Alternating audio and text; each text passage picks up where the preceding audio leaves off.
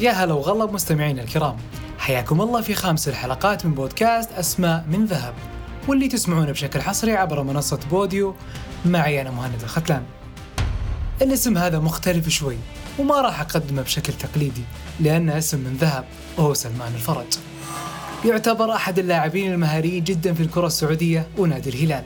يمتلك القدرة العالية في اللعب وقائد فذ في الفريق الهلالي. في بدايته كان سلمان يلعب في دورة رمضانية في نادي الهلال وكان سلمان مهاري بالفعل ويمتلك الكثير من المهارات والقدرات اللي تخلي أي شخص يشوفه ينعجب فيه. وبالصدفة في أحد مباريات الدورة كان حاضر الأمير محمد بن فيصل واللي شاف مهارات سلمان الفرج وأعجب فيه كثيرا وقال هذا لازم يكون لاعب هلالي. وبدأ الفرج في الفئات السنية بنادي الهلال وبعدها فترة تم تسجيله كلاعب أساسي عام 2008 وكان عمره صغير جدا.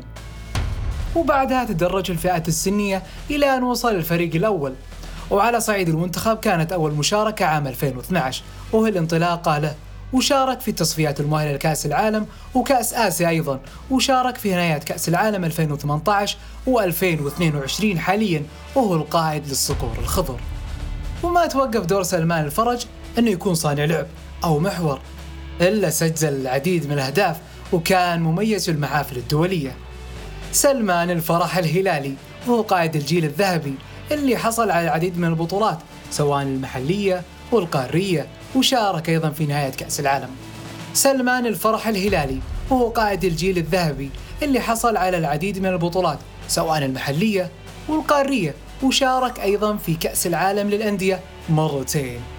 سلمان الفرج هو أحد اللاعبين العظماء في الكرة السعودية ويغرد خارج السر لأنه مختلف ويعتبر من الأساطير اللي يشار إليهم بالذهب. كان معكم مهند الختلان عبر منصة بوديو.